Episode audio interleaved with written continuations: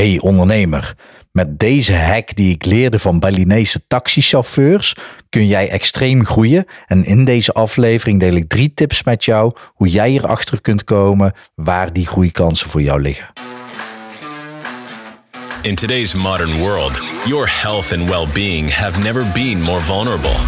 Life is changing fast, and we're here to help keep your head clear and help you make the right choices. Welcome to the Paul Veth Podcast, a podcast dedicated to leadership, business, mindset, spirituality, and more. Get ready to smash your goals and conquer self doubt. Now, here's your host, Paul Veth.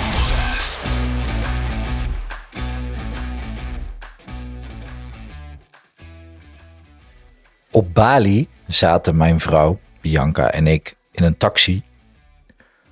Heel vaak, want het is een makkelijk vervoersmiddel daar. Een Grab heet dat. En ik leerde daar iets moois van twee afzonderlijke taxichauffeurs. Op twee verschillende dagen zaten wij met een chauffeur in de taxi. En ik vind het altijd leuk om dan een gesprek aan te gaan en toch dingen te vragen over hun cultuur en hun gewoontes en ook gewoon persoonlijke dingen. En nou ik heb al vaker in dat soort taxis en in dat soort landen uh, ook gesproken met mensen. En ze laten niet altijd zomaar veel los. Maar deze twee, die vertelden mij afzonderlijk dat ze bang waren om te zwemmen. En dat zeiden ze gewoon openlijk, bloot, zonder gêne. Gewoon, ja, ik, ik ga gewoon niet naar het strand, want ik durf niet te zwemmen. Allebei zeiden ze dat. Uh, ook ging het met name over de zee. Uh, zwembad ging nog wel, maar de zee vonden ze dan heel erg spannend. Wat ik dan interessant vind, want ze leven op een eiland. Dus dat lijkt me dan best spannend om, op een eiland te wonen. Maar ik vond het hartstikke mooi dat zij dat gewoon openlijk durfde toe te geven. En dat er ook niet iets in zat van het spannend vinden om dat te zeggen. Er zat geen schaamte onder. En dat is iets wat ondernemers, vooral hier in het Westen, echt wel kunnen leren. Want ik weet zeker dat jij ook angst ervaart. En ik ook. Elk mens ervaart op een bepaald level angsten. Alleen hier lijkt het zo'n beetje een taboe te zijn om dat toe te geven. Doordat het, dat je stoer moet zijn door te zeggen: ja, ik durf in achtbanen, ik durf uit vliegtuigen te springen, ik durf in liften, ik durf met slangen te dansen en spinnen, met spinnen te jong leren. Dat, dat lijkt wel de norm, alsof we dat allemaal moeten zeggen. Dat is natuurlijk onzin. Want elk mens heeft angsten, dus waarom zouden we dat niet eerlijk toegeven? Eh, dat is iets wat wij van de taxichauffeurs kunnen, leven, uh, kunnen leren. En ik zal zo nog tips geven hoe jij erachter kunt komen wat je angsten zijn. En wat de taxichauffeurs daar zouden kunnen leren van ons is dat wij ondernemers, wij zijn altijd wel van het aanpakken. Dus op het moment als wij dan ook daadwerkelijk toegeven dat we een probleem hebben, dan zullen wij ook in de actiemode schieten. En dat zal jij dus ook hebben. Op het moment als jij ervaart, oké, ja, dit is echt een probleem voor mij of mijn, voor mijn bedrijf, dan zal jij ook in de actiemode schieten. Tenzij je daar bang voor bent, maar dat is een ander verhaal. Maar die combinatie is natuurlijk goud waard. Op het moment dat jij eerlijk naar jezelf durft te kijken in de spiegel of in een camera, durft toe te geven: hey, ik ben daar bang voor. Dat is stap 1. Want op het moment dat jij het aan jezelf durft toe te geven, dan durf je dat waarschijnlijk ook wel te delen met een vriend, vriendin, met je partner.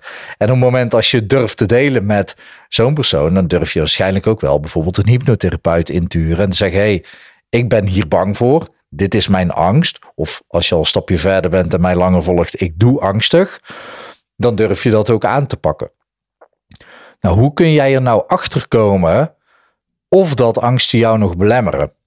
Want elk mens heeft angsten. Maar ik zeg altijd, ja, je wil niet helemaal van je angst af. Want je wil bijvoorbeeld als je aan de rand van een snelweg staat wil je wel een bepaalde soort angst ervaren. Dat je niet denkt, oh, ik kan hier makkelijk oversteken. Ook al komt er elke halve seconde een auto met 120 km per uur voorbij.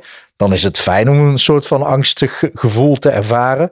Of in ieder geval een verstandelijk signaaltje in je hoofd te hebben. Maar goed, angsten die je belemmeren in je bedrijf en in je leven, die zorgen ervoor dat je je niet vrij voelt. En laat dat nou een van de belangrijkste waarden zijn waarom mensen starten met ondernemen. Omdat ze zich vrij willen voelen. Vrij om zelf keuzes te maken. Maar op het moment dat jij dus angst ervaart, dan voel je je niet echt vrij. Oké, drie dingen hoe jij erachter kan komen. eerst is eigenlijk heel simpel. Op het moment dat jij weet, oké, voor mijn bedrijf zou het goed zijn om dit te doen en je wil het ergens ook wel, je wil het ook doen of je wil het durven. Dat is natuurlijk al de belangrijkste indicatie. Alleen durf je het ook toe te geven. Dan zit daar natuurlijk een angst onder. Bijvoorbeeld als jij weet, ja, voor mijn business zou het super welkom zijn. Zou het super helpend zijn voor de groei van jouw bedrijf om video's op te nemen. En je doet het niet, terwijl je ergens het idee hebt van ja, ik zou het wel leuk vinden of uh, prima vinden om te doen. Ja, dan zit daar natuurlijk een angst onder. Hetzelfde geldt als als jij weet, oké, het zou prima zijn voor mij. Het zou heel goed zijn en helpend zijn om voor groepen te staan. En je maakt het niet waar. Je regelt het niet. Want dat is makkelijk te regelen. Ja, voor elk bedrijf kun je wel iets bedenken waarom het goed zou zijn om voor een groep te staan. Ja, regel je dat niet, dan zit daar een angst onder. Wat logisch is overigens, want het schijnt zo te zijn, of het blijkt te zijn dat het schijnt drie keer zo erg te zijn. Uh, maar um, wat de exacte feiten zijn, weet ik niet. Dat mensen banger zijn om voor een groep te spreken dan voor de dood. Wat natuurlijk gek is, maar ja, de kans is dus groot dat jij er ook angstig voor doet zijn, om die woorden te gebruiken. Maar als je dat dus weet, hey, dat zou goed zijn voor mijn bedrijf en je doet het niet, dan ligt daar een angst onder. Als je dat weet en durft toe te geven, onderneem actie. Bijvoorbeeld naar een hypnotherapeut gaan. Een andere indicatie dat er een angst aanwezig is in jou, misschien wel onbewust dus, is op het moment als er niks verandert in je leven. Als jouw leven eigenlijk al een tijdje een soort van hetzelfde blijft. Je blijft tegen dezelfde dingen aanlopen. Je blijft hetzelfde leven leven. Je blijft een beetje in hetzelfde ritme, zoals ik nu een beetje blijf hangen. Ja, dat is een grote indicatie dat er angst in jou zit. Waarom? Omdat buiten je comfortzone, daar vindt groei plaats. En groei zorgt automatisch voor verandering. Dus op het moment dat jij geen verandering ervaart in je leven, dan is er dus ook geen groei. En dan is de kans dus groot dat jij heel veilig blijft zitten in je eigen comfortzone. En dan zit daar dus een angst onder om daar buiten te komen. En ik vraag natuurlijk niet zomaar aan je om dan nu te zeggen: ja, maar dat is niet waar. En je maakt in één keer een hele grote stap buiten je comfortzone. Maar elke keer kleine stapjes buiten je comfortzone zorgt uiteindelijk voor veel groei en veel verandering in je leven. Dus blijft het enigszins hetzelfde in je leven, dan is er waarschijnlijk wel een angst onder. En het is dus goed om eerlijk naar jezelf te kijken, om eerlijk te zijn dat die angsten je ook belemmeren. Kijk, dat hoeft natuurlijk niet zo te zijn. Die angsten hoeven je niet te belemmeren. Maar op het moment dat jij weet, hé, hey, mijn leven blijft hetzelfde en je wil eigenlijk iets anders, of je wil meer groei voor je bedrijf en je doet die dingen niet, ja, dan zit daar natuurlijk gewoon een angst onder. En ik had je drie tips beloofd. En uh, normaal gesproken hou ik niet van editen van video's, maar um, ik heb mijn whiteboard nog niet. En ik heb dus niet opgeschreven, dus ik ga er heel even over nadenken ben ik zo bij je terug.